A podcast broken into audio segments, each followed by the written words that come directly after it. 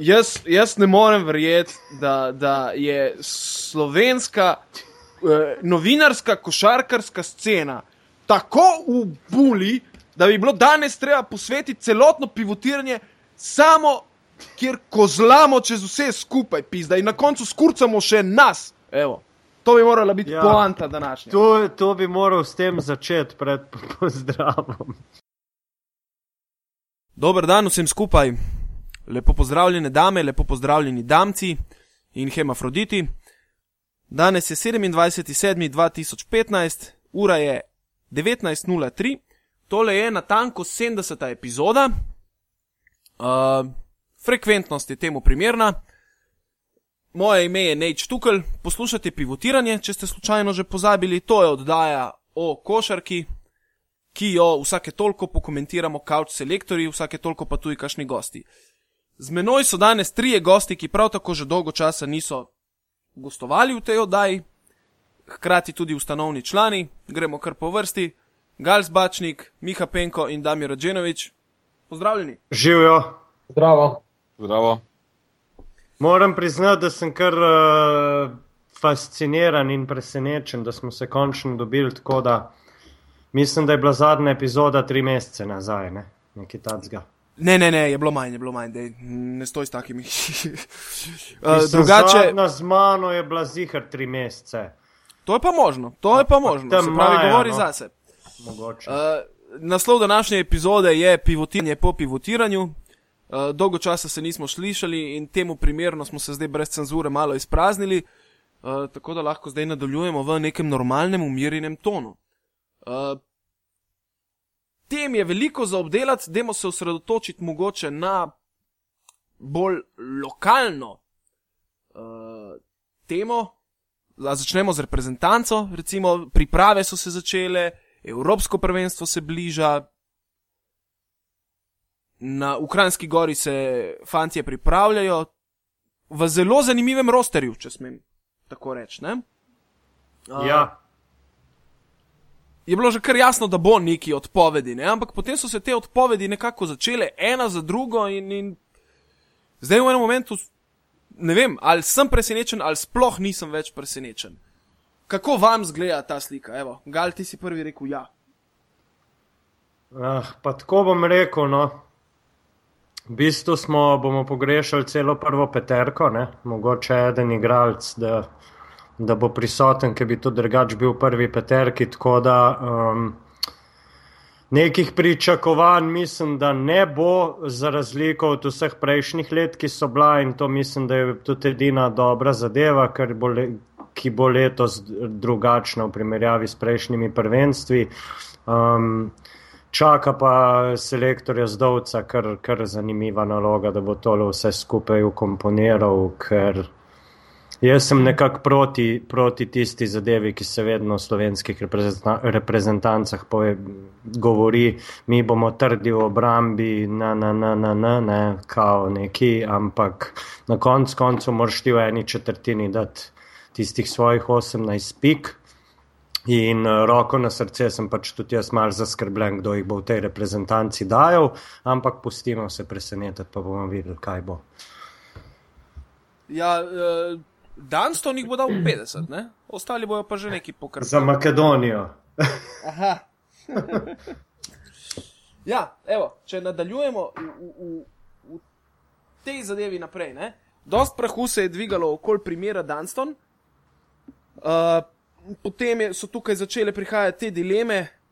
Jaz sem zelo osebno spoznan z zakonom o državljanstvu, ker uh, imam primer iz svoje lastne družine, kako to poteka. In me je zanimalo, ali bo tukaj padel kakšen popust. Nekako, kako se je zveza vehementno lotila tega primera. Sem pričakoval, da imajo na ministrstvu za notranje zadeve kakšno vezo. Veš, kaj je fora? Je, jaz mislim, da edina opcija bi bila, glede na to, da eno leto ni živo tukaj, ne kot tujec, ker to je pogoj. Mislim, kot sem jaz slišal, da bi edina opcija bila, da se zaobide to zadevo, da sam predsednik požegna. In to je bila edina, zdaj ne vem, mogoče me bo kdo popravil, ampak po mojih podatkih je bila to edina varianta, se pravi, da ga gospod Pahor sam naturalizira. drugače pa ne gre mimo tega. Čudi me, da to pahor že ni naredil na kakšni tržnici. Mm, Skoso v roki. ne, zdaj pa resno. Uh, Damir, uh, recimo, kako ti vidiš vso zadevo glede odpovedi, kaj je pozitivnega, glede na negativne zadeve, recimo, lahko približno že ugibamo, kaj je negativnega v vsej zadevi. Ja, ne, mogoče za začetek se dotaknem Danstona tudi v enem drugem kontekstu in sicer to je možakar, ki bo čez manj kot leto dni star 30 let. Um, priti v končni fazi do predsednika države pa reči, to je nekaj, kar mi potrebujemo, to stotinko sekundo in to je človek, ki nam bo pomagal v nadaljnih deset let. Štiri, štiri. Uh, ne, deset let, da nam bo pomagal. Ja, no, ampak zveza je računala na štiri. Ja. Se vse nekoliko je zveza računala. Štiri je pač premalo, da se, neko, da se zaobide tak zakon, ki je pač jasen za vse. Uh, pri teh letih uh, jaz verjamem in tudi cenim njegove kvalitete, ampak uh, to je bilo enostavno pre, pre, preveč in prekmalo in preveč naenkrat in mogoče ne dovolj dodelano. Da bi se to zgodilo. Kar se pa tiče odpovedi, pa ne vem, jaz sem že tako skozi vsa leta navajen, da ne moremo sestaviti reprezentance z trenutno najboljšimi igralci ali pa vsaj imeni na papirju, da sem letos se mi zdi kar najbolj mirno to sprejel v celi svoji karieri igranja in spremljanja. Eh, košarke pač to ne bo. Uh, in celo sem se malo posvetil drugim reprezentancem, ker nekatere prihajajo pa s takimi postavami, da jih bo pravi užitek gledati. Pri, uh mhm. -huh. Jure, pri Juretu mislim, da vseeno borbenosti ne bo manjkalo, uh, po drugi strani pa se bojim glede same kvalitete in to mogoče celo bolj v napadu kot v obrambi, kajti Jure ne trpi v obrambi nikakršne ležernosti in pač. Uh, tam mislim, da bodo dali vse od sebe, ampak enostavno na, na koncu, ko bomo potegnili črto, se mi zdi, da ni dovolj kvalitete, da bi lahko računali. Premalo napadalnega potencijala. Ne? Ja, pač eh, pri nekaterih je možno, da, da, da bo imeli tudi kakšen eh, pre, preblisk, ampak po drugi strani je enostavno premalo. Premalo, predvsem me skrbi uh, organizator igre, spravi pozicija playmakerja. Uh, tu so vsi nekje igrali in poskušali igrati, ampak uh, so večinoma krpali luknje v preteklosti. Uh, drugi, ki pa so poklicani, recimo te mlajši, Rupnik, Boban Tomič, to so še ljudje, ki morajo še, še nekaj narediti v življenju, preden bi lahko bili organizatorji igre. Dirigirali v reprezentanci, ja. Tako, tako. In tu me recimo, ker pa vemo, da če nič drugega, je košarkarska igra zelo enostavno, organizator igre prenaša žogo čez, se pravi, da se čisto, čisto vsaka akcija več ali manj začne od njega. Uh, smo že tu v zelo velikih težavah.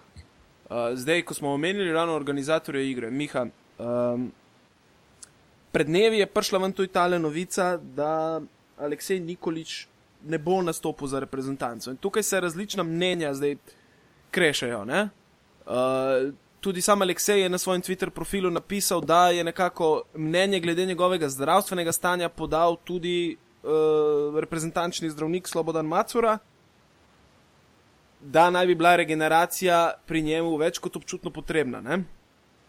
Ja, uh, drži. Uh, Hrati smo pa lahko prebrali tudi izjavo selektorja Zdovca, kateri je dal jasno vedeti, da se je tudi sam seveda pozanimal, pogovoril, verjamem, da ravno tako z Macuro in z ostalimi, ki so na nek način predlagali neko posebno regeneracijo po sistemu uh, doziranja določenega treninga v naslednjih recimo tednu dni ali pa še kaj več.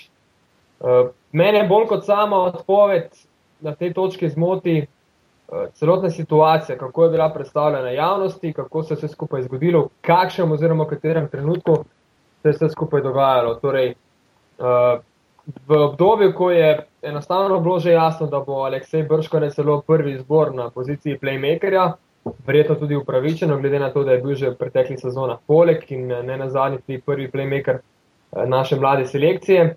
Kjer je res odlično odigral, ne?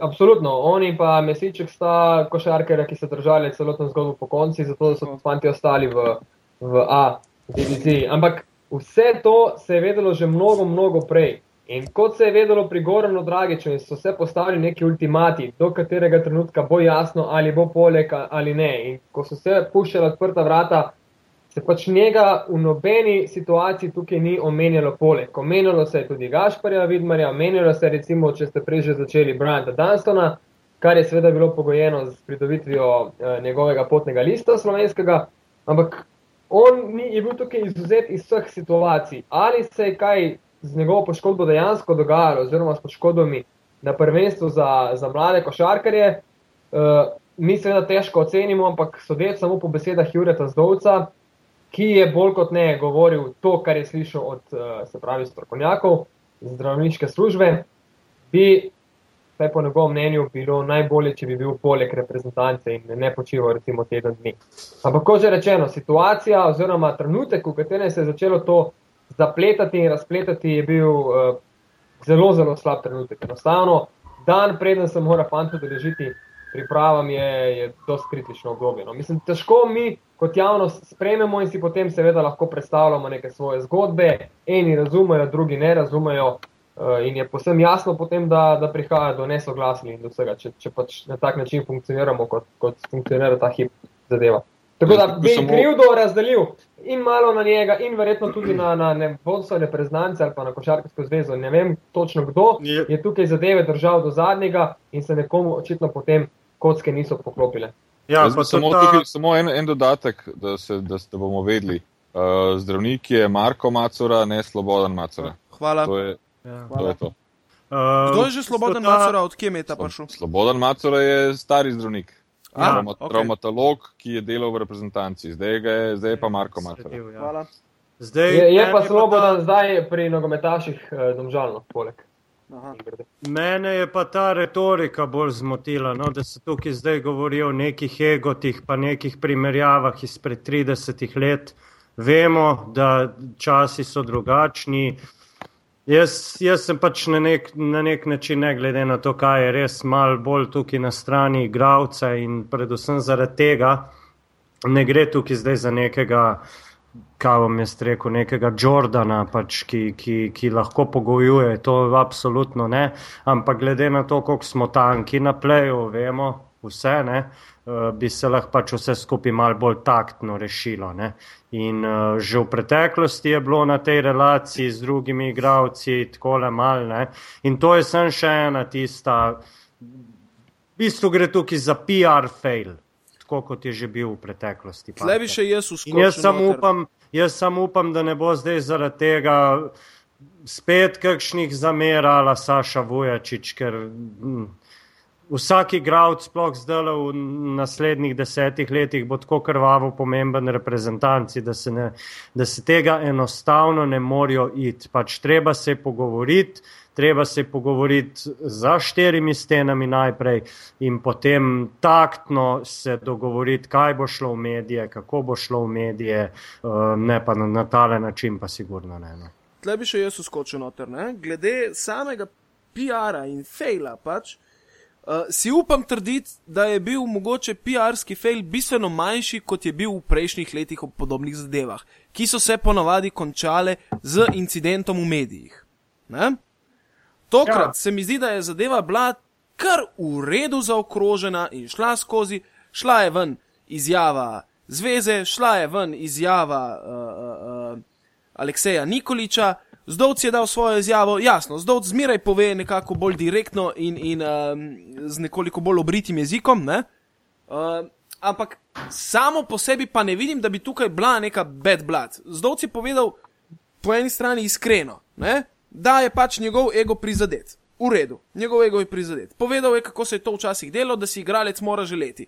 In to, to mu dam prav, da si igralec mora želeti. Zdaj, če sem jaz prav sledil sami uh, genezi tega problema, je v bistvu Ali Nikolič zahteval še dodaten teden za regeneracijo in bi se potem priključil reprezentanci. Ali sem pušnil tle mimo?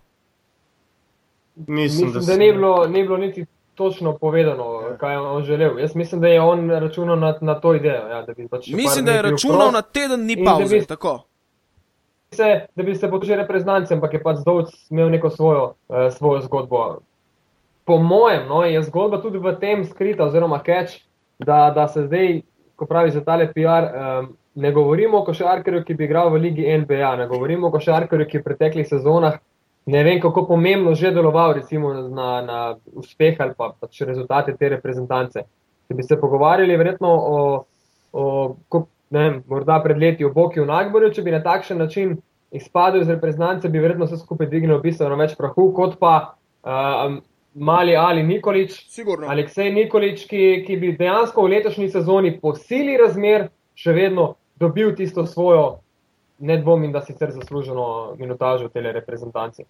In uh, tukaj bi samo še omenil, da se mi zdi, predvsem v letošnji sezoni, tako kot ste prej že mal sami rekli, uh, da smo brez posebne euforije pred tem prvenstvom, čeprav nam je praktično pred vrati, se pravi skupinski del na Hrvaškem, da, da smo kot na nek način izgubili, vsaj zdi se mi ta moment neko posebno vero, zagnanost, kot da bi bili že malce apatičen bolnik, no, ki samo še čaka in vegetira in ne, ne, najdem, ne najdem prave, prave volje, recimo, uh, v vseh teh pripravah, ki se ne na zadnje že konc tega tedna z uh, reprezentančnimi tekmami začenjajo, tudi recimo na tekmovalnem nivoju.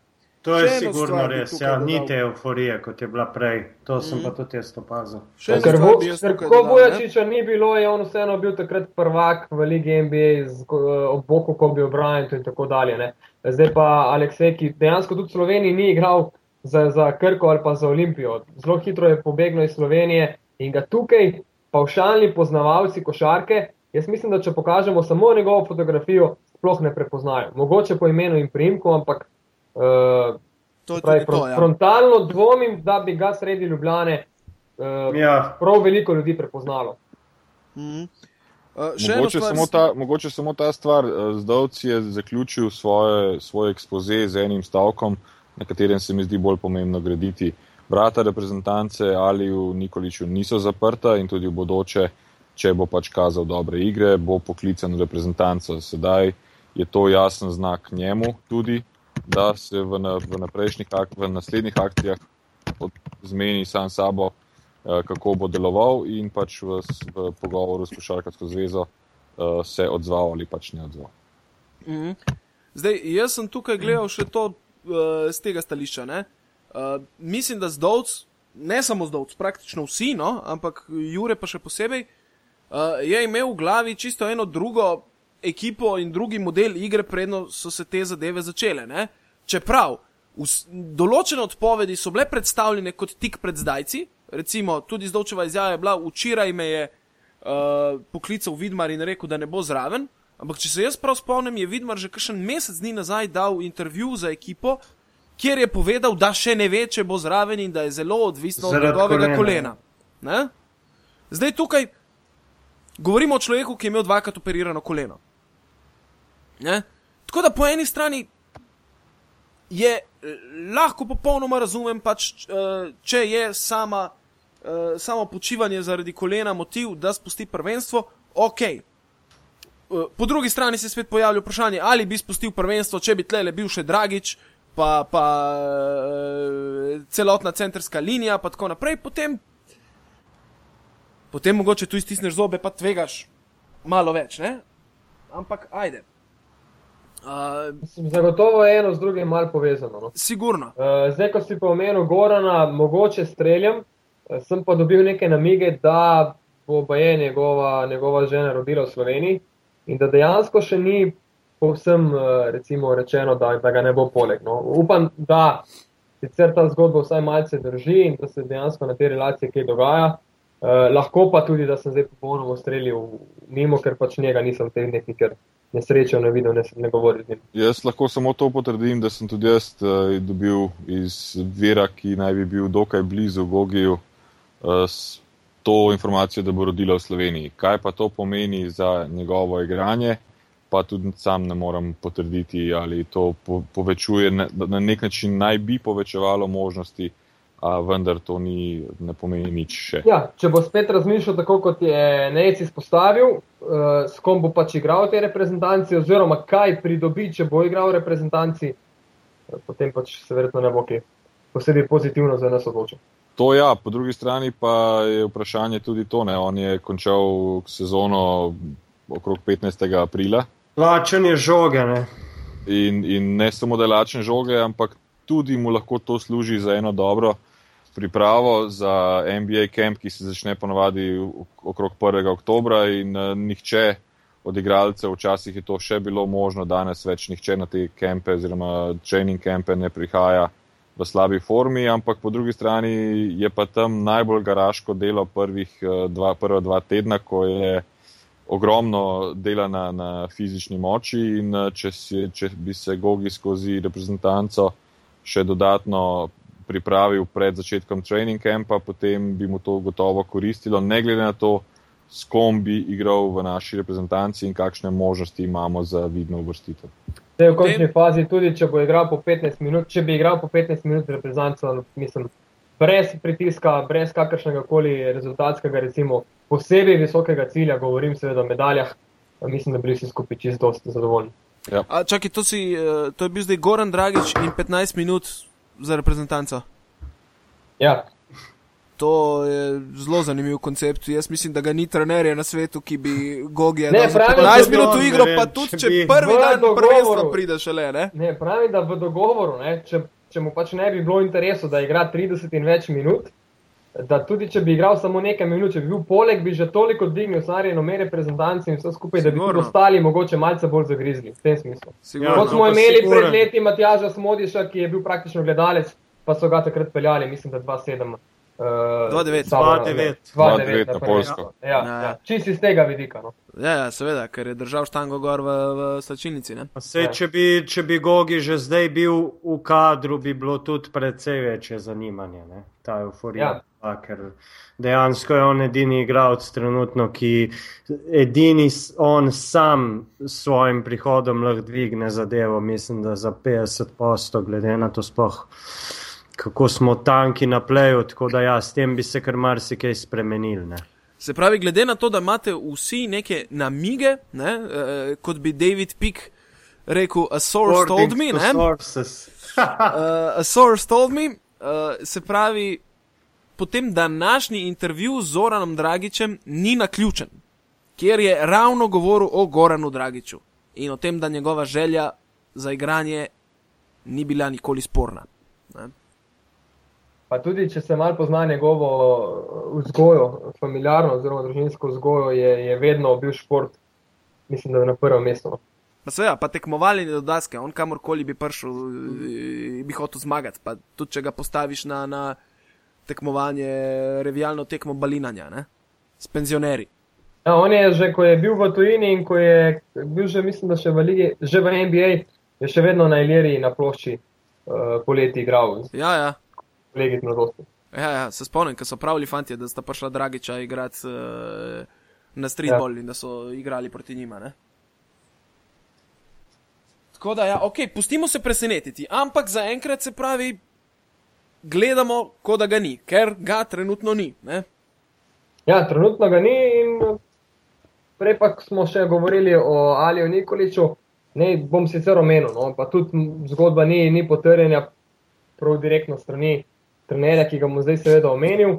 Naj bi vseeno bil tukaj počes uh, nek dogovor, recimo ali tihi dogovor z trenerjem Brose Basketa, uh, Andrejem Trinkerjem Ja, ja. mu je bojda svetoval, da pač naj izpusti to prvenstvo. Ne vem, zakaj mu potem ni svetoval, naj izpusti še v 20, če že. Ali pa samo 20. Ne? Ja, ali samo, samo v 20, tako da pač spet neke zgodbe, ki krožijo. Moram pa reči, da so tudi nekaj tako, re- relativno blizu njemu. No. V top lista nadre- nadrealista so včasih temu rekli: Hakane, ostavi ga na miru, jebo majku svoju. Ja, da- druga, stvar je, druga stvar je tudi, da, da v današnjem času, kot je Gal rekel na začetku, da je pač eh, 30 let razlike, uh, imajo svojo vlogo tudi agenti, uh, ki so pa na nek način tudi najbolj pametni, saj so vedno v bistvu v ozadju in vedno se govori o igralcu in trenerju in uh, zahtevam nekih klubov in poškodbah in ne vem kaj. Medtem ko agent je v ozadju tisti, ki potem tudi kaj eh, zraven pove, ne samo da dobi svojo provizijo, ampak eh, se tudi preko njega klubi obračajo na igralce, seveda to danes eh, absolutno normalno, z nekimi, z nekimi svojimi željami. Uh, težko je pa tudi, ne mislim zdaj samo v primeru Nikoliča, ampak marsikje je tako, da klubi investirajo v igralce določeno vsoto denarja in to določeno vsoto denarja, ki jo investirajo, eh, želijo pa svojo investicijo tako ali drugače v bistvu ne samo povrniti, ampak v začetku sploh. Tako. Veš, zakaj meni ta teorija malo ne pije vode, da so ga Nemci pritisnili? Ker, uh, kolikor vem, bo on registriran za njihov drugoligaški podružnični Za klub. oba, za oba. Za oba. Za oba. Ja, ampak to Jaz pomeni, da, bo, govoril- da bo večinoma igral tam, dokler se tam ne Jaz, pokaže. Ne? jaz sem govoril z očetom njegovim takrat, tisti dan, ko je bilo uradno. Ne? Seveda še ni bilo teh članskih reprezentanc, pa tega glih je bilo v 20 prvenstvo v polnem razmahu. Boj, da imajo z njim dejansko nek štirletni projekt, ki, Ja. ja, ki naj bi bil kar tako dosti načrtovan. In eh, registracija bo dvojna, se pravi, da bo konkuriral tudi že od prvega, od letošnje sezone, že tudi za nastope za Euroligo. Ne. Sicer kaj, kaj se bo dejansko res zgodilo, ne vemo, ampak boj, da naj bi bil v, na obeh frontah. Uh, Se pravi, kakšna priložnost, morda sem pa tja v Euroligi, jaz računam, da bo več igral tudi recimo v prvi nemški ligi. Ampak Eh, kdo uh, je pa- svetuje igralcu, ki ga pošlje v razvojno ligo, da naj izpusti prvenstvo?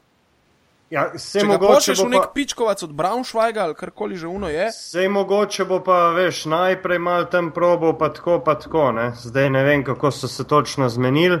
Sam boj, da je tako nek plan, no, narejen, kaj hočejo z njim doseči v teh štirih letih in tega se bojo držali. Zdaj pa ali bo to v prvem letu bolj ali manj druga liga, ne. Bo to tako, če ne, pa, kot sem je pa meni oče rekel, bo pa dejansko tudi konkuriral za nastope v Euroligi in uh, nemškem prvenstvu. tle lahko citiram legendarnega Gorana Jagodnika, ki je enkrat izjavil, če bi meni menedžer kaj takega rekel, bi mu isto sekundo rekel, naj se spelje. Je pa po drugi strani Goran Jagodnik zmeraj deloval brez menedžerja, mogoče lih zaradi takih stvari. ne. Ja, sem, a veš, tle v tem Nikoličevem primeru, zakaj, mislim, pa če so se oni tako odločili, zakaj pa ne ena Ne, tekma okej. več, ena tekma več, uh, mislim, pač tudi nemška druga liga najbrž ni tako za nič, da ne bi mogel tam neki napredovati, da mislim, da. Iskreno, jesenin sem imel šanse videti, ker vsake toliko obolevam, tudi ko gledam prvo nemško ligo. Ma mislim, da, da je šla ta prva, jaz sem mal gledal playoff zdaj na koncu, jaz mislim, da prva štiri, prve štiri nemške ekipe To uh, bi se tukaj v Aba ligi, dobro, edino mogoče zvezda, da bi se z njimi kosala, to je pa to. Ja, ja, ja. Se pravi Alba, Bayern in uh, Ne, ne, vrh, vrh nemške To, lige je, tri, je super. tudi Ulem, tudi Ulem, če damo še zraven, mislim, da Tudi Oldenburg je resna ekipa. Ja. ne. Dvorane so polne, veš, ni, ni, tega, ni tega pritiska, kdaj bo plača, uno, bomo prišli na potovanje, kdaj V bomo Nemčiji šli so dvorane še- polne na tekmovanju druge Bundeslige v bejzbolu. Ja. Mislim, poštiman je, ne dejansko. Zdaj, če pa imajo v preteklosti, so že toliko telih balkanskih in vseh trenerjev eh, dol prepeljali, tako da mislim, da tudi stroka jim če dalje bo laufa in če imaš pa ti pač pogoje, eh, plus stroko je pa to pač nekaj idealnega za razvoj enega mladega igralca. Ne? Da smo, bolj, da smo bolj konkretni, letošnja napolnitev kapacitet v nem, prvi nemški Bundesligi košark je bila 88 odstotna. No. V povprečju. Ja. S tem, da te, te tri, štiri klubi, ki smo jih omenili, so imeli pa po moje 95. Te so imeli pa 99. Ja. No. Ja, ja. Uh, ok, uh, še to se lahko dotaknemo, ko smo recimo uh, še vedno okoli reprezentance. Uh, slovenska skupina je v bistvu ena izmed najtežjih. Za najtežjo verjetno prištevam berlinsko skupino, kjer se bodo udarile Španija, Srbija, Italija, Turčija, Islandija in Nemčija. Z izjemo pač Islandije so ostali res v Mhm. respektabilni zadevi. Ampak tudi slovenska zagrebska skupina Sploh glede na ne kader zajbava. Grkov, ki sem ga videl. Ja. Postava Grkov v meni obuja staro nostalgično veselje, da mislim, zdaj že tretje zaporedno prvenstvo napovedujem pohod Grkov na tron. Ne? Tokrat se bom malo vzdržal, ampak upam, ker nada umira zadnja. Zato je dobro, da, ti, da tvoj tašči ni ime nada.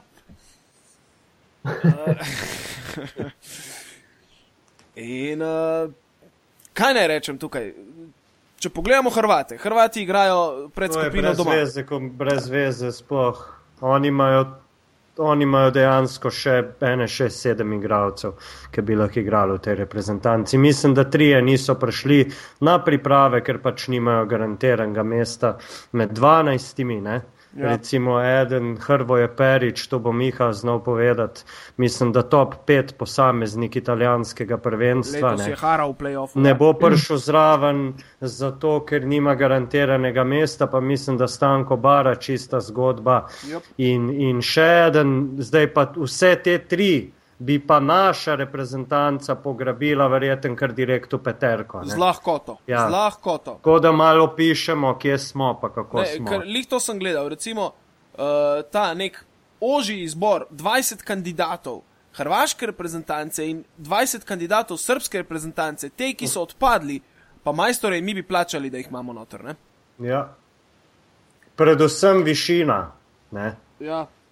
Če gledaš, da so odpadli igravci od 20, plus, pri nas mislim, da bomo kmalo šli, ne vem, v Fužinem ali pa z metrom čekirati, če bomo kakšnega še najdel ali pa kamorkoli. Da V dejansko. Srbiji, v Srbiji ni v reprezentanco prišel možakar, ki je podpisal potem 3 plus 1 pogodbo z Denverjem. Ne? Ja. Ja. In to Ni prišel med 18, ne med 12. Ja. In ne samo, ne, en kup je takih, ne? recimo ne vem, Duško Savanovič, uh, Milan Mačvan, ne? Ja, uh, ogromno ja. Takih igralcev. Potem imaš tukaj, meni zna biti zelo težavna tudi Gruzija, ki je letos precej močna, uh, Zaza Pačulja se vrača nazaj v reprezentanco. Tukaj in... je večni kefirski mladenič, ki je igral za Olimpijo pred 36 Marko leti. Malo čar Marko Švili. in pa mislim, že da- takrat je bil plešas na pol. Ja, ja in, in star 16 let in pol. Ne? Tako da. Ja. zdaj mislim, da jih ima že 21 in je polnoleten po vseh zakonih. Uh, ta zna biti, Jacob Pulen na pleju pri, pri Gruzicih. Ne? Edina dobra stvar v naši skupini je to, da je Makedonska zveza resno konceptualno v kurcu in da so prav tik pred zdajci zamenjali selektorja. Ja. Kar vemo, kaj se je zgodilo recimo Rusom, ko so na prvenstvu v Sloveniji tik pred zdajci dvakrat zamenjali selektorja. Ne? Mm. In pol so prišli z, na koncu je bil kdo, Bazarevič? Ali je bil še nekdo tretji? Ne, Karašev. Karašev. Karašev Tako, ja. Bazarevič je bil vmes dve uri selektor. Ja, Uh, in, in pol je bil Karašev in naredili niso, ma ne nič. nič. Boljš bi bilo, če ne bi prišli. Ne? Uh, tako da sicer mi je žal Makedoncev, da imajo, kar se tiče razmer v zvezi, ampak mislim, da je to lahko naša edina karta za usmino finala. Ja, z Gruzici, ki si jih prej omenil, smo imeli v zadnjih letih kar serijske probleme. Ne? Že v celju leta 2013, mislim, da je bilo na koncu pika razlike, Pika razlike, ali ja. dve piki, nekaj takega. Pa smo imeli mi v postavi takrat ne samo Gogija, tudi uh, Nahbar je še bil, Vidmar in tako naprej. Tako da ja. Uh, bodo tudi letos neugodni Makedonci, pa prav tako. Mislim, da, mislim, da zdaj mi težko s komerkoli govorimo, da smo tukaj neki ne vem kakšni favoriti. Tako da ja, tale Gruzija, Makedonija, Slovenija, računam, da bi se borili za tiste dve mesti še ne. Sam da nam nizozemska ne zagode. Ja, Črnogorci imel je. tudi Čehe imamo še, ne? A, Ja, kako? To, ne. ne. A, ne, se res, to je bila pa moja napaka. Ja, mislim, da si kar težko bo prideti iz skupine. Težko bo, res bo težko. Čeprav bo spet v Zagrebu 2-3 tisoč slovencev, mislim, da v vsakem primeru, ampak eh, ne bo, ne bo tako samoumevna tale zadeva, niti približena. Ja, jaz bom tokrat pred tem prvenstvom spustil lopto in uh, glede na zadevo zdaj bi bil osebno zadovoljen z uvrstitvijo v osmino finala. To, to mislim, da bi bilo krasno. Ja, Ja, bi jaz- se kar strinjal. Jaz mislim, da uvrstitev ven iz grupe je, je lep uspeh. Z borbo, ki jo bojo pokazali, bo čisto redo. Miha, imaš či- še kaj A, pardon, Ne, pardon, se, prekinil. se, se, se bom strinjal tudi jaz, valjda, borba iz skupine. Uh, predvsem bi se kakršnih koli komentarjev zdaj vzdržal, dokler se ne začnejo te prve, vsaj prijateljske tekme, da dejansko vidimo, kdo bo tole pretendiral recimo za neka višja mesta, oziroma kdo bo, kdo bo na papirju so sestavili močno reprezentanco, ne na zadnjih tudi italijani, ne, Ja, ki so mislim, da praktično popolni, brez nekih večjih uh, imen, ki bi, jih, ki bi jim manjkali. Uh, ampak te prve ki prijateljske ni tekme- zraven, ne? Da, ja, ampak tako močne zasedbe v zadnjih letih že, že niso imeli. No. Ja. Uh, tako da, se pravim, da bi bolj po prijateljskih tekmah mogoče malo več vedeli, zakaj gre. No. Mhm. Se strinjam. Smo še karkoli pozabili glede Evropskega prvenstva? Ne, lahko rečemo, da se začenjajo te prijateljske tekme v bistvu že, ja. Ja. že v tem tednu. No. Konc tega tedna Slovenija bo igrala najprej v Kidričevem, v četrtek, ne, če se ne motim, uh, in potem tudi enkrat v Ljubljani, pa, pa tako dalje. No. Že v naslednjih dneh oziroma tednih dni. Kje boste spremljali Evropsko? Najbrž ja. malo v, v Zagrebu, uh, neke opcije so bile, da bi potem šli še kaj naprej, ampak bomo videli sport. Jaz bom pol tole kar izkoristil. V hiši športa se bodo gledale tekme, tako da mislim, da že zadnje dve ali pa tri prijateljske, tako da vsi ste vabljeni tja. Mene je tudi to pol nekako odrezalo od tega, da po mojem niti na eno tekmo v Zagreb ne bom šel, čeprav mi je FIBA po mojem, na mojo veliko veselje odobrila akreditacijo, ne, ampak tako da ja, v hišo športa, če se kdo ne bo imel kam dati, eh, vse tekme slovenske reprezentance. Jaz bi mogoče samo še to omenil, da če pogledamo vseeno postave Francije, Španije, Italije, Grčije, Srbije, Hrvaške, eh, nas, nas čaka vsaj v tistem zaključnem delu resnično še en odličen turnir. Absolutno. In, in pač eh, razumem, da smo vsi navijači naše reprezentance, ampak po drugi strani smo tudi tisti, ki pač se s tem ukvarjamo, eh, predvsem ljubitelji košarke. In uh, s, tem, s tem pogledom bom vsaj jaz na ta način neizmerno užival v teh uh, predstavah. In uh, potem, kasneje, mogoče celo podpisal ločitvene papirje, ki mi jih je žena že zagrozila za čas prvenstva. Jaz sem, hvala Bogu, uspel ženo prepričati, da gre z mano v Berlin. Uh, nekako pod pretvezo, da gremo gledati Berlin, ampak kljub vsemu gremo tudi na tekmo. Nekaj. Sej bo v bistvu kar sedel, jaz zdaj nisem gledal tekme basketa tako. Kot se zagreže, mislim, da od zadnje tekme finala državnega prvenstva v Sloveniji. Tako da še nekaj časa jih tudi ne bom, ker sem se prenajedel vsega, ampak tisti Eurobasket bo pa glih nekako takrat, ko bomo že malo lačni teh tekem. Ne. Nejc, Nejc, jaz, sem, jaz sem uspel sredi Las Vegasa uh, pelati ženo na tekmo University Nevada Las Vegas. Uh, pa veš, da se v Las Vegasu vse drugo počne, na koncu se pa igra košarka. Tako da se ji to nabira zdaj že 14 let. Grda. no, da vidimo, če bojo to preživele zadeve. ne.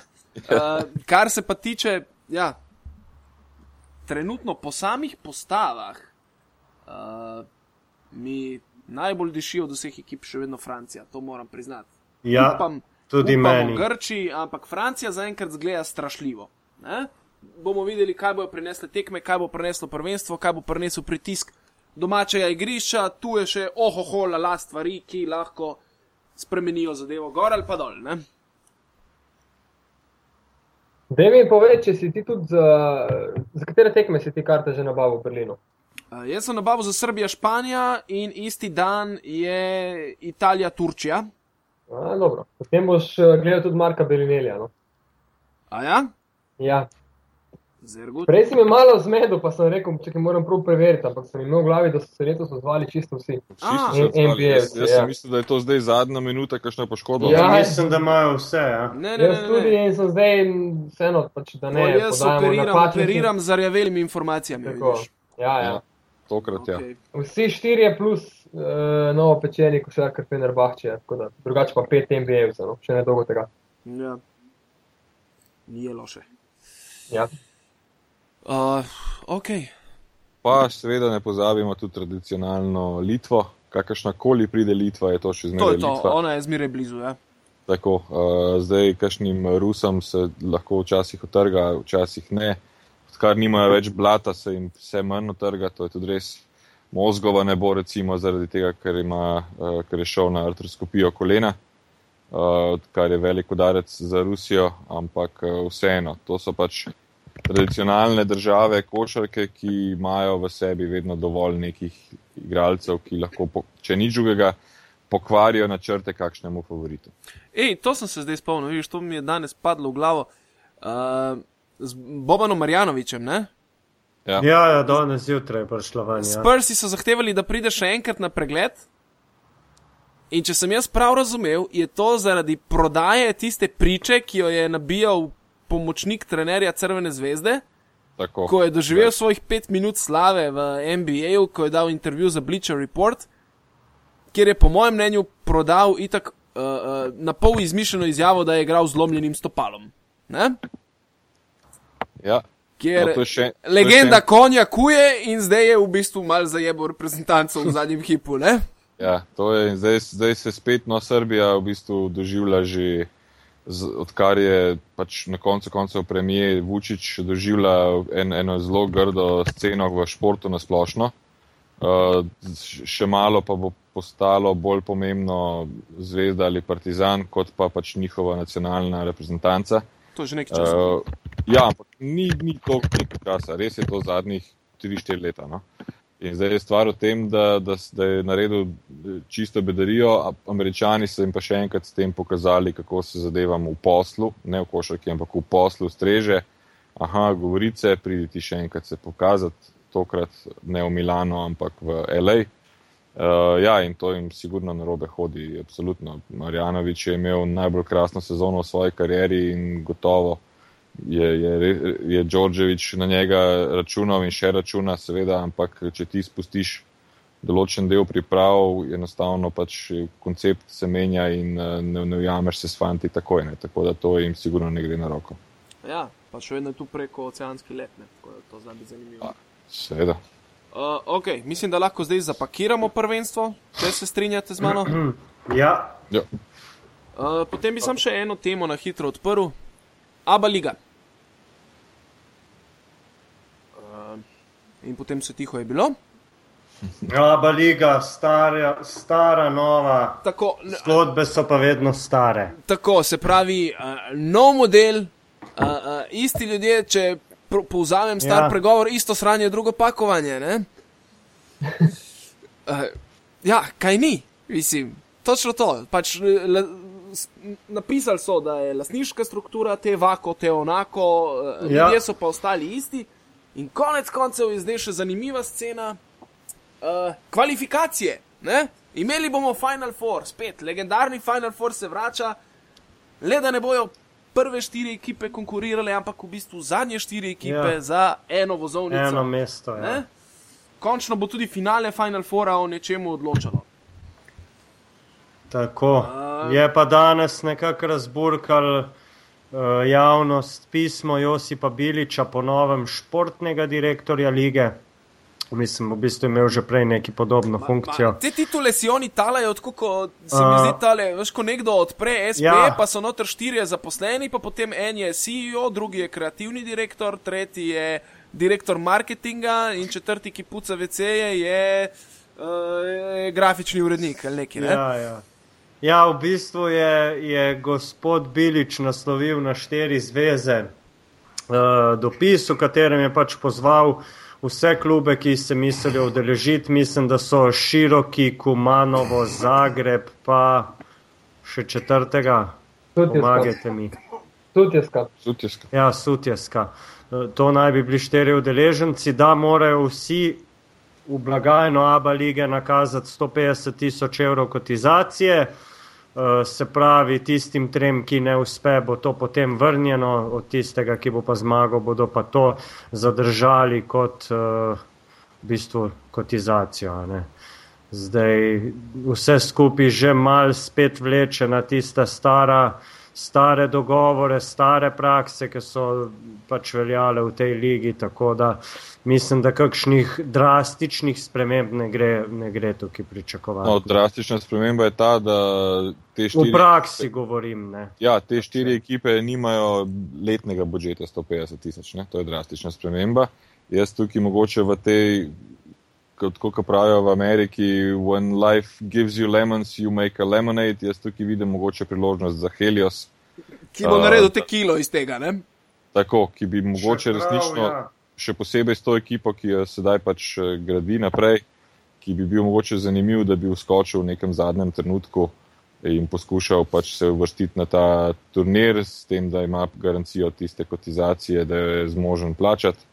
Uh, in tudi mislim, da takšen Helios, kot se sedaj gradi, uh, bi bil dobrodošla stvar za, za Abu Leigo. Uh, vsaj, če ne drugega, dvorana vedno, bo vedno dovolj polna in pa tudi neko kvaliteto imajo, da lahko nastopajo v tej, uh, v tej ligi. Tako da mogoče jaz čakam razplet tega, tega Final Fora in mogoče v zadnjem trenutku upam, da se kakšen prostor odpre za Helios. Jaz bi si tudi to želel, sam po drugi strani si pa ne predstavljam, kako bodo Srbi na tole pogledali. Če bomo mi iz dveh klubov prišli na štiri, oni ki pa res je, da dominirajo, ampak mogoče malo manj, kot si oni predstavljajo zadnja leta v tej ABA ligi, ne? da bomo imeli mi enako število klubov kot oni. To se mi pa zdi, da bo potem spet začelo tam pokati neki in bojo spet ene zadeve se začele dogajati. Ne verjamem, no, da bi sam zaradi tega, ker bi imeli pač potem isto klubov kot oni. Zdaj, no, zdaj, zdaj je Čovič eh, blizu vladajoči strukturi, tako da tam je vse možno, sploh če se začnejo karkoli z denarjem pogovarjati. Sploh se pa ne bi smeli preveč ogrožene počutiti, ker pač, kot sem na zadnje slišal, en proračun zvezde je tak, da bi morala tudi letos se enostavno sprehoditi skozi Abu Leigo, če bo ustrezne igralce kupila. No, sej, jaz mislim, da se ne zvezda počuti ogroženo, ampak glede na lanske in pretekle rezultate, Srbi so imeli dva na Final Fouru prvaka, mi pa niti blizu Final Foura. Ja. Uh, našega najboljšega bi potem iz dveh klubov skočili na štiri, bi verjetno bilo kar malce, ja. malce nenavadno. Seveda bi bilo, samo če, če se pogovarjamo o financah, je pač zadeva taka. Če se pogovarjamo o športu, je zadeva drugačna, ker so pa finance po, v vprašanju, se pravi, teh 150 tisoč, če jih imajo Srbi v nekem svojem klubu, uh, absolutno naj imajo oni potem prednost. Ja, to, to se bom strinjal. Bi pa eno, eno opažanje, oziroma eno, eno opasko dal na same kvalifikacije. Uh, pač po mojem mnenju to ni najboljša rešitev, ali pa sploh ni dobra rešitev. Uh, včeraj uh, sem Nejcu in Zbaletu napisal, da je to zelo neumno. Vse to čakamo zdaj. Ja, ja, ja to, to sem hotel sprovocirati, kar izvoli. Uh, pač razlog je preprost, ne? kako se naj ekipa sredi meseca julija sestavi, še, še ne veš, kje boš nastopal meseca septembra. To je poskušala Euroliga in so se potem razni klubi, recimo tistega druge lige, neke evropske druge lige, belgijski klubi, kaj pa vem, tisti drugi, tretji litovski klub ali pa latvijski klub, pa izraelski klub, enostavno niso vedeli, ka, ali pa tudi eh, ruski klub ne na zadnje, kakšen proračun, kakšno ekipo naj sestavijo sredi meseca julija. Uh, iz Final Foura gre samo en v Abu Leigo, če ti sestaviš pač ekipo za Abu Leigo, ne moreš tri košarkarje podpisati do srede septembra, potem pa jih pač odpustiti. Če si jih pa vzel, pa nisi uspel v kvalifikacijah in jih imaš samo za domače prvenstvo, si pa spet pač enostavno naredil. Ja. Tako, nisi naredil nič. Ne? In kot vem, tudi pri Heliosu malo razmišljajo v tej smeri in so določene in višine pogodb in določeni košarkari vezani na morebitno igranje se pravi v Evropi, oziroma ne samo v slovenskem državnem prvenstvu. V Evropi sem imel v mislih tudi Abu Leibo. Ja, Govorim še iz, izpred ja, 14 dni, ne? kako so se zadeve sestavljale. Recimo tudi ta američan Casey, ki je lani zablestev, bi tukaj ostal. Uh, Vse je na nek način dogovorjeno, ampak ukolikor se bo igralo samo za državno prvenstvo, ga to naj ne bi tako zanimalo. In pač tukaj jaz vidim predvsem za te klube veliko, veliko težavo, ne samo v tistih 150 tisočih evrih, kar je, pač, kot smo se že pogovarjali, težava za večino balkanskih klubov, ampak tudi v smislu, na kakšen način naj se trener loti potem teh priprav in, in uh, pač same, same sestave ekipe. No. Ne vem, če bi, se te, če bi se te kvalifikacije prenesle recimo na zaključek državnega prvenstva, bi že bilo neko bolj realno stanje Uh, Tako, pač pokazalo. da na koncu Ampak sezone veš, to- o čem se ja. govori. Ne? Ja, bi- po drugi strani pa s tem glih zdaj, a veš, ti boš pač neke ambicije pokazal. Ne, je Ja, bi ne ga, boš, vedno ne, je, ne, vedno je. štiri ekipe sestaviti. Ne, predstavljaj si, no, Helios, da zdaj nabavi še dva igralca, zato da bo sredina lestvica, v sredini lestvice a, ABA lige in potem izpade in neslavno igra samo državno prvenstvo. Kjer v bistvu, e, kjer v bistvu Ja, ena dobro. tekma odloča o celi tvoji Ja, sezoni. to je ne? res, ampak Helios ima potem skozi državno prvenstvo možnost, da si formalno zagotovi Aba ligo. Ja. Tako da tukaj ni vržen denar stran. Ne, Ja, Če- Zdaj ja, no, Če to- govorimo o klubih s takšnimi proračuni, ne, je verjetno za eno sutjesko kar podvig, da bo zbrala 150 tisoč, pa še nekaj Ja. igralcev. Potem pa recimo, da ne, ne uspe, bo dobila 150 nazaj, ampak kaj bo s tistimi igralci, ne vem. Pač. Na koncu, ko prideš v finiš prvenstva, uh, si ti sedem mesecev košarkarje plačeval skoraj da za prazno nič. Zato, da si prvi, prvo vrščen v državnem prvenstvu. Kar bi tako ali tako lahko bil. Resno, evo, primer. A, a bi ti kupil sebi ne vem koliko opreme za domače snemanje, Ne, za smučanje pa ne gre smučati. ne, ali pa evo, glede na to, da ste vsi povezani z novinarstvom, ne? da ti nekdo reče, majstore, nabavi si zdaj, ne vem, tako pa tako kamero, pa tak pa tak mikrofon, pa tak pa tak monitor in naredi mi prispevek. In če bo dober prispevek, te bomo vzeli v to in to oddajo, da boš vodil. In, in če ne, je bi se, si ostal s to opremo. Mogoče je dobra investicija kot freelancer, lahko si pa pušno. Mislim, glede na to, da ti proračuni niso tako grozno visoki, teh klubov je, je podvig. Enostavno, že tako in tako bo za njih podvig, eh, da pa sestaviš ekipo. Mislim, govorim samo iz izkušenj Eurolige. Tam se je, ko so se kvalifikacije upeljevale, mislim, da tri sezone in so jih enostavno prekinili. Tam so šli še tako daleč, da je celo osem ekip bilo v, v teh kvalifikacijah, kar je bilo absolutno preveč. Mm. En Osten, da ni mogel priti noter, ni šans, ne? nekaj sezon zapored. Ne? Ja, sem je pa po drugi strani vsaj to tam boljše, da so tiste ekipe šle polo Eurocup in so Ja, bile tam ja. po pravilu skoraj nekje v vrhu. Ne? Vse neki so dobili. Ja. nekaj. Ja. Okay. Tako da iz tega stališča. No. Čeprav se je tudi to že ma malo spremenilo finančno, boš tudi Miha, povedal, če govorim prav. Namreč v Eurocupu, seveda, je zmagovalec je potem dobil uh, vozovnico za naslednjo sezono v Euroligi. In ko so se, ko so se klubi med sabo prešteli, ki, koliko jih začne Eurocup in koliko od teh klubov ima proračune, ne vem, 5, 10, 15, 20 milijonov evrov, oziroma so jih imeli, Uh, so ravno tako razmišljali, ker tam pa se ni noben ni pogovarjal o 150 tisočih evrih, ampak o pomenu Eurocapa, skozi katerega bi si želeli pridobiti vozovnico za Euroligo, zato, zato moraš pa vreči vem, 10 milijonov Ja. letnega proračuna in še to ti ne garantira, da boš imel najboljšo ekipo oziroma da boš prišel do finala in tam Ja, zmagal. ja, vse se strinjam, ampak tisti, ki razmišljajo, da bo preko Evrokupa prišel do, do Eurolige, eh, mislim, da je to razmišljanje. Pač to je kot da bi želel spraviti debel, debel cveren ali pa volno skozi neko majhno uho šivanke. No. Tako, no, ampak zato, Ja, pa tudi imaš kakšno drugo lažjo pot, verjetno, ne? čeprav tudi vprašanje. Ja, to je to, je to ki Lahka kolizija. pot je edino A licenca. Ja, Ja, pa kolizija, še to potem, kdo jo ima, pa kdo je nima. Pa Mislim, da kaj. potem se lahko sprašujemo o smiselnosti igranja tudi Olimpije in razno raznih klubov tega srednjega ranga v Evropskem pokalu, ne, če gremo v to smer. Se konec Ja. koncev je Partizan, če me vprašaš, letos prav naredil, ko se je odpovedal o igranju v Evropskem pokalu. Imajo svoje probleme ne? in so se enostavno odločili, da ga ne bojo igrali. Pri Olimpiji je mogoče zadeva drugačna, ker mislim, da je njihov proračun še vedno vezan na to, ali igrajo Evropo ali ne, ker je pač Ja, ta sistem ja. sponzorjev pač kakršen je. Ne? Ambicij ni, ampak če je kakšen večji parti, pa dajmo malo denarja še na kup fukniti. ne. no, Mislim, če nisi sposoben za Euroligo, poskušaš v Evropu, koliko uspeš zagotoviti ta približen nivo nekega, nekega budžeta, zato da lahko tam tekmuješ. Ne? Da pa bi imel cilj, da ti preko Evropa, da, da investiraš v dva ali tri košarkarje samo zaradi tega, to pa mislim, da lahko ta hip samo, samo Rusi počnejo. Mhm. Pa Turki. Vedno Ja. manj. Ne vem, zakaj so zdaj Turki začeli toliko zniževati budžet posod. Ne? Jaz bi mogoče to omenil, da smo na enem razpotju v evropski košarki nasplošno in to razpotje je med uh, načini, kako igraš najbolj pomembno tekmovanje. Uh, bodi si, da v njega prideš skozi pač športni del, ali pa v njega prideš skozi, bom rekel, finančno-organizacijski del.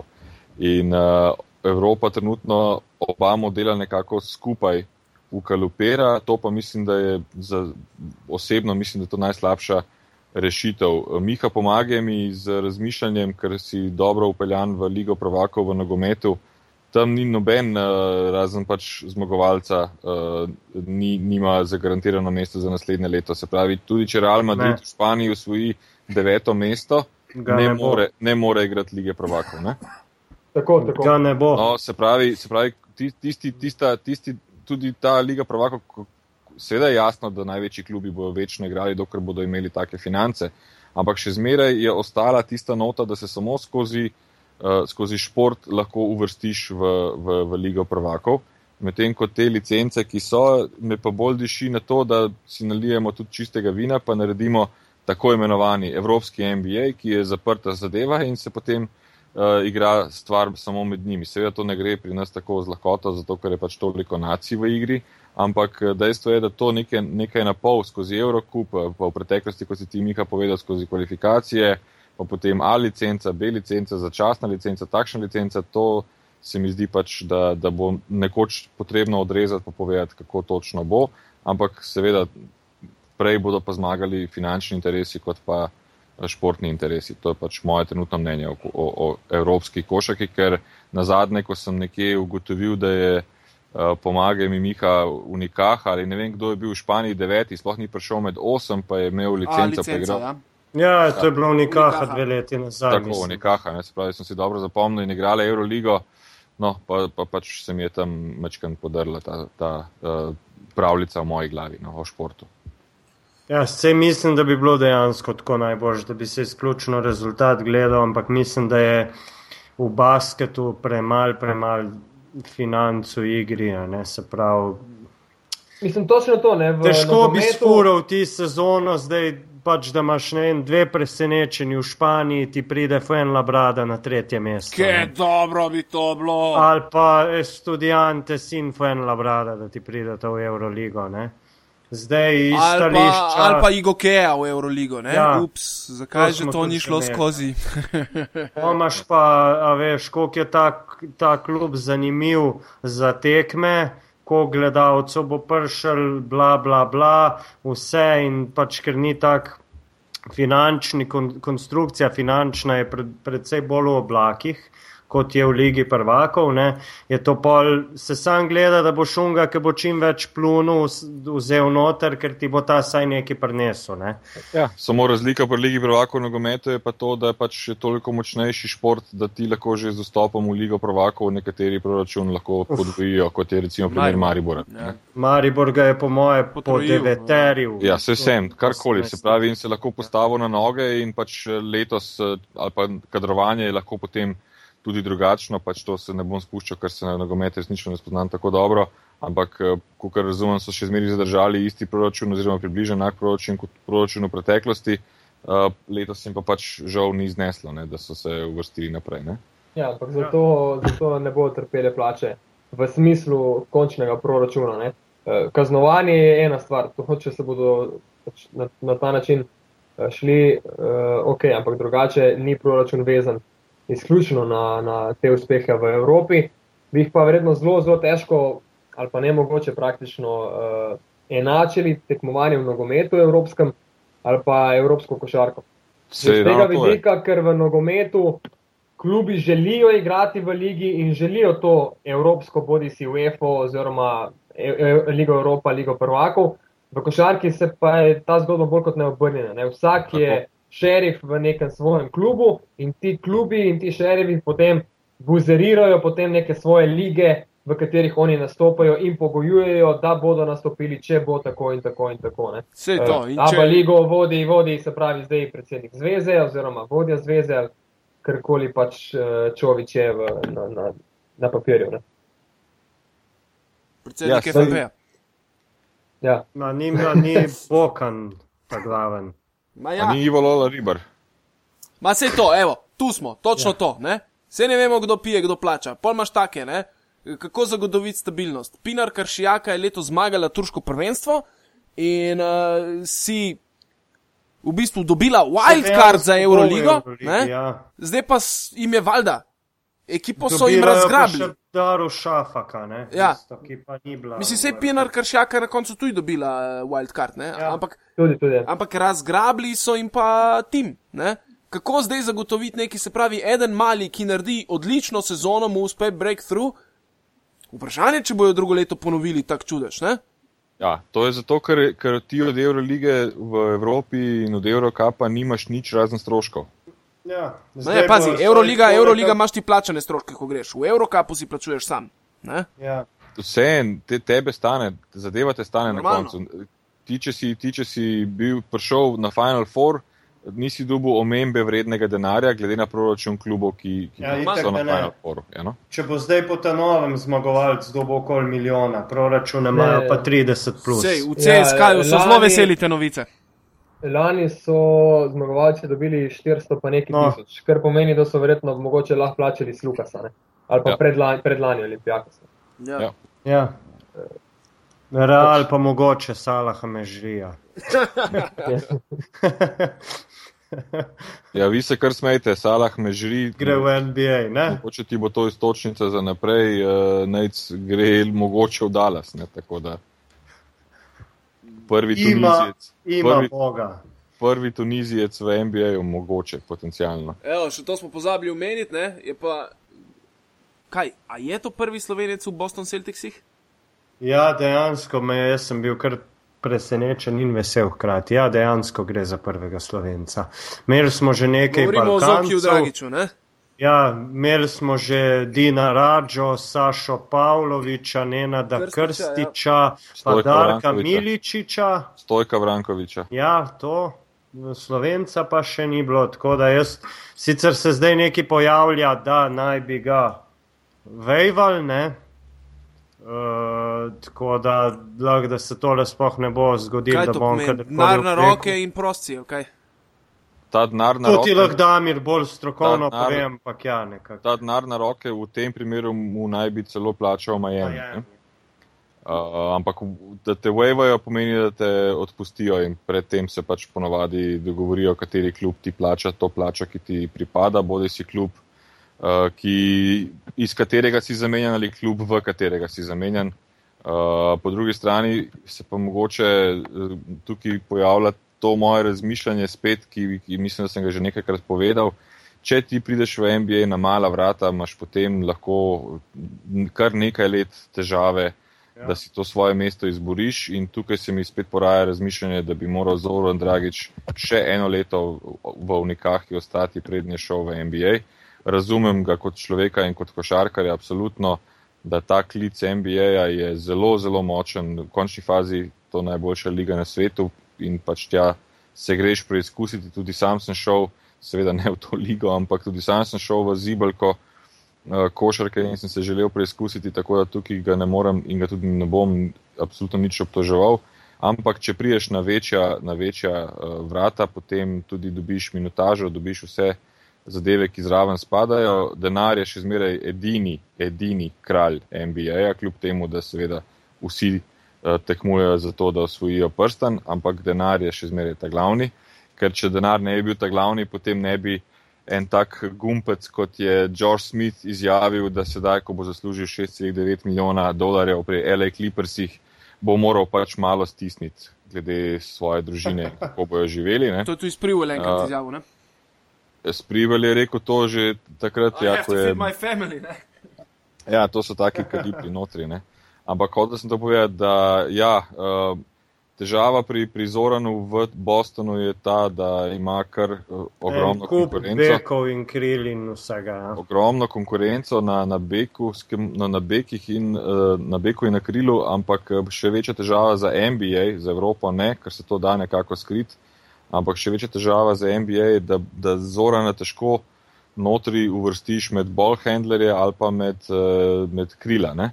Uh, ker je nekaj obojega, ampak nič od obojenega pa ni, uh, pa ni ekstremno dober, glede na NBA, govorim. Za nas je več kot dober, ampak glede na NBA. Ne?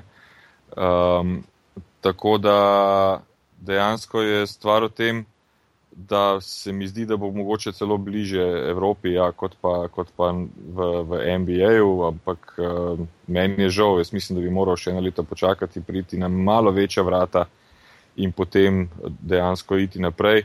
Tako kot se njemu to zgodilo, se je tudi zgodilo recimo Kostasu pa, pa Nikolau, ki ga tudi sedaj že so tradali in premetavajo uh, okrog ne, po NBA-ju in sploh če iz Evrope priješ in če si evropejc, je ta zadeva mečkam bolj uh, žgečljiva. Tako da mislim, da je en uh, novinar za Boston Globe že rekel, da ga bojo, da ga bojo uh, odpustili, ampak uh, počakajmo še malo.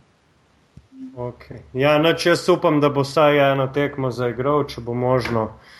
Uh, bom, takrat, bom, bom takrat tudi po noči ostal po koncu, brez skrbi. Slišiš, welcome to the jungle. Ne? Ja, um, tako da. Ja, mislim, da lahko zapakiramo. Ja, jaz sem mu samo svetoval, da naj se Kelija Olinika dejansko izogiba, da, da, mu ne, da mu ne bi kakšno, kakšno ramo izpahnil, slučajno, ampak ok. Zoki ni tako mehkužen kot Kevin Love, da mirno. Ja, ja, seveda. seveda. Ne moreš ti zoki v rame izpahniti, pa tudi če ga zmacolo točeš. Sam moje. sebi si jo boš prej, po moje. seveda, seveda. Vse 4-0 bilo tudi, ampak. e, kaj je bilo pa tam dva, od 2-7 do 2-9? oh, mislim, zdaj. Ok, boste, ok, boste videli to, kar je nadaljevala, ajde. ne, se je cool. Meni se kašlja, ker rabim cigaret. Ti rabiš pa cigaret. Mislim, da lahko Jaz zaključim. Jaz pa rabim pivo, zdaj le potem le. Lepo vas je bilo slišati, no? Enako. Ja, tudi z moje strani. Miha je že umrl? Ne, nisem še. Uh, drugi teden, če bo se še kaj na voljo, takoj na začetku, potem jaz odpotujem na dopust. Ampak se mogoče lahko oglasim tudi iz Oake, iz Aten, koliko bodo še stale takrat. Nema problema. no, super. Ja, nič, če si vrgu rokavico za drugi teden, pa da vidimo, ali počakam reči, da drugi rad. teden objavim to šele. Pa smo dve muhi v en mahu boli, ne? ne, dajmo se nekaj zavedati. Naši zvesti poslušalci so sedaj na razno raznih dopustih. In kot berem, recimo, njihove tvite, uh, je, so, je dopustniški čas odličen čas za to, da si daš slušalke v šesa in poslušaš kakšen podcast, tako da dajmo jim to privoščiti. Dopustniški ja, čas je odličen, da piješ, plavaš in. Ne? Ja, tudi jaz imam možno še, še stara, stara pivotiranja gor na, na iPhone in mal preposlušal stare intervjuje. V redu, s to plemenito lažjo smo današnje 70. oddajo zaključili. Uh, do naslednjič. Ajde, rečemo čau. čau. čau. Hvala čau. vsem za poslušanje, pa do naslednjiča. Živijo. Zbale ni razumel. Čau. čau. čau.